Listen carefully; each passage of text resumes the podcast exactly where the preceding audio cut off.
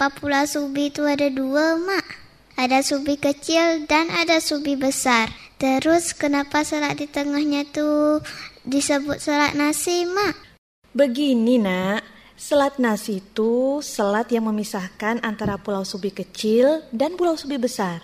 Konon ada kisahnya mengapa selat itu diberi nama selat nasi. Macam mana kisahnya, Mak? Begini kisahnya.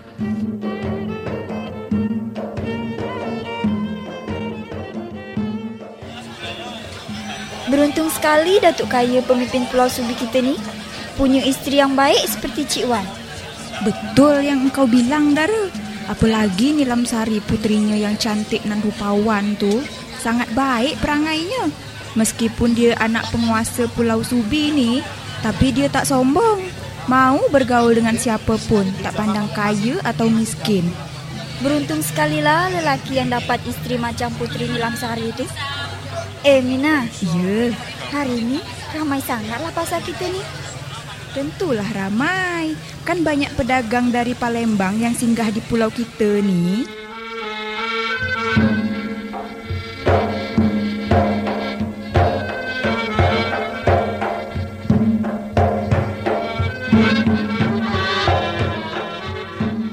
Wahai Demang Aji, anakku semata wayang. Kini dirimu telah besar.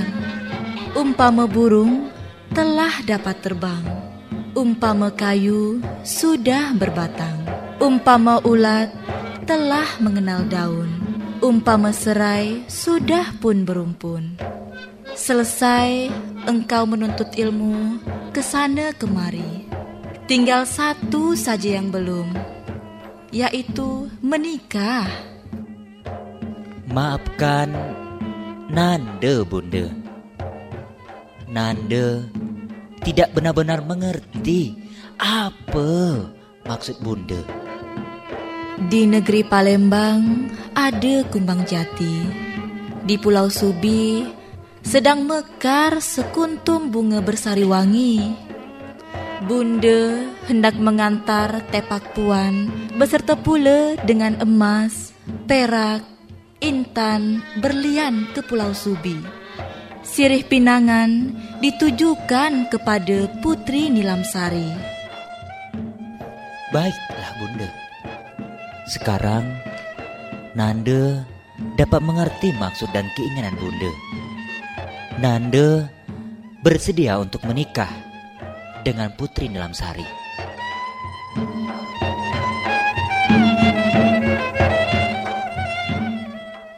Seluruh keluarga istana kerajaan Palembang sibuk mempersiapkan segala hantaran untuk diserahkan kepada keluarga Nilam Sari. Setelah semuanya siap, para utusan Raja Palembang berangkat menuju ke Pulau Subi.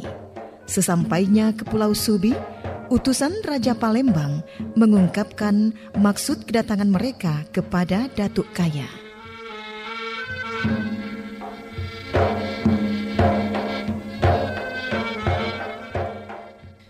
Cantik memandang pohon ara. Nampaknya cantik berseri laman. Besar hajat kami tidak terkira. Hendak memetik bunga di taman. Rumah besar alangnya besar. Rumah datuk Perdana Menteri. Kalau tidak hajat yang besar, kami tidak sampai datang kemari. Dari paya turun ke lembah, petik pinang dipilih-pilih. Saya sudah memohonkan sembah adat meminang bertepak sirih. Yang datang berulang alik, yang pergi terbayang-bayang, yang bulat datang menggolek, yang pipih datang melayang. Kalau bukit gunakan galah, cepat tuan tiba ke pantai. Kalau sudah kehendak Allah, niat terkabul, hajat pun sampai. Berkokok ayam di pagi hari, putus tali dari tambatan. Datuk sudah menerima tadi, kecil tapak tangan saya tadahkan. Izinkanlah kami untuk memohon diri Datuk Kaya. Segala kata dan tingkah yang tidak berkenan mohon dimaafkan. Kami berjanji pada hari ke-10 bulan Sapar arak-arakan pengantin dari Palembang akan tiba di Pulau Subi ini. Baiklah, kami tunggu kedatangan kalian. Kami harap tidak akan ada selisih hari dan bulan. Sampaikanlah salamku pada raja kalian di Palembang.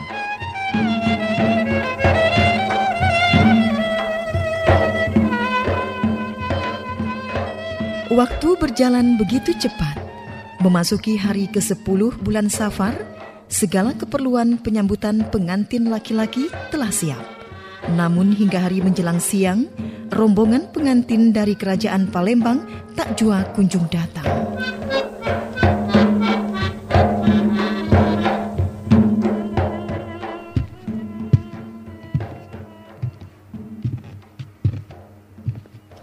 Tenanglah bang, sebentar lagi mereka juga datang. Mereka benar-benar keterlaluan istriku. Mereka telah mengingkari janji. Sabar bang, barangkali mereka sedang mengalami halangan di perjalanan.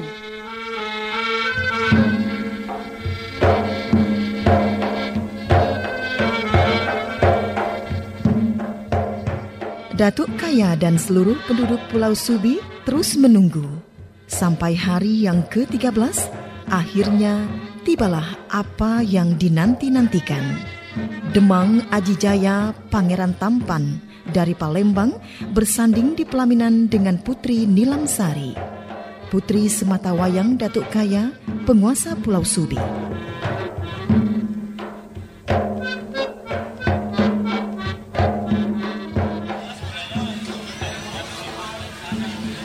Bang, semua persediaan jamuan makanan sudah basi dan sepertinya tidak layak lagi untuk kita hidangkan kepada tamu kita. Apakah sebaiknya kita mengganti hidangan yang sudah basi itu dengan nasi dan lauk pauk yang baru? Tidak, istriku. Biar orang Palembang itu tahu diri. Mereka telah ingkar janji. Ikrar kita pada hari ke-10 bulan Safar tidak mereka tepati. Pantas kalau kita hidangkan nasi dan lauk pauk basi kepada mereka. Tapi bang, sebaiknya kita tanyakan dahulu. Barangkali mereka terserang badai di perjalanan. Tidak. Apapun alasannya, aku tidak bisa terima itu. Berani-beraninya mereka mempermainkan datuk kaya penguasa Pulau Subi ini. Bang, Sebaiknya hidangan kita ganti dengan yang baru. Kita akan malu jika menghidangkan makanan basi untuk mereka. Jika abang tidak mau mendengarkan perkataanku, gugurkan aku ke talak satu, bang.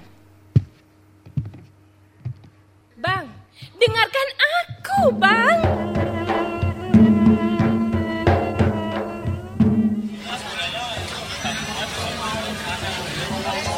Ayo, cicipilah apa adanya yang tersedia.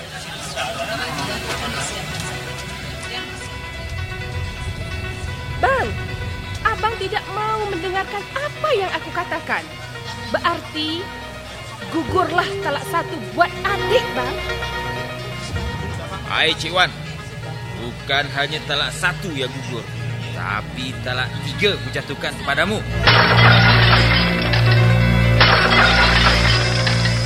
Kita bercerai berbatas nasi basi ini, Cik Wan.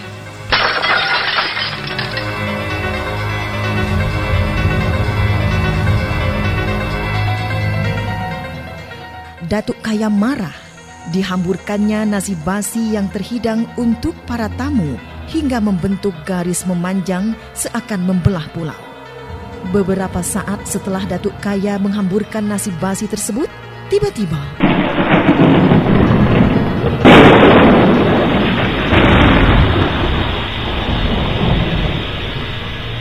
kilat pun menyambar disertai hujan dan angin yang sangat kencang. Air laut bergulung-gulung menghantam Pulau Subi. Pulau Subi pun terbelah menjadi dua bagian oleh sebuah selat yang memanjang lurus dari timur ke barat dan oleh masyarakat setempat selat tersebut diberi nama Selat Nasi.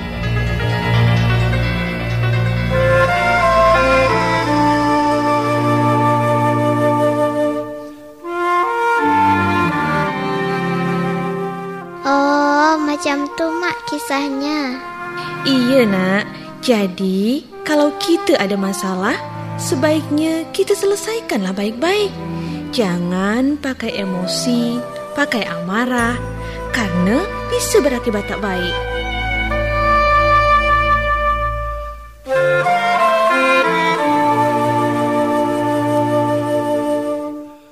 Demikianlah drama asal-usul Selat Nasi di Pulau Subi.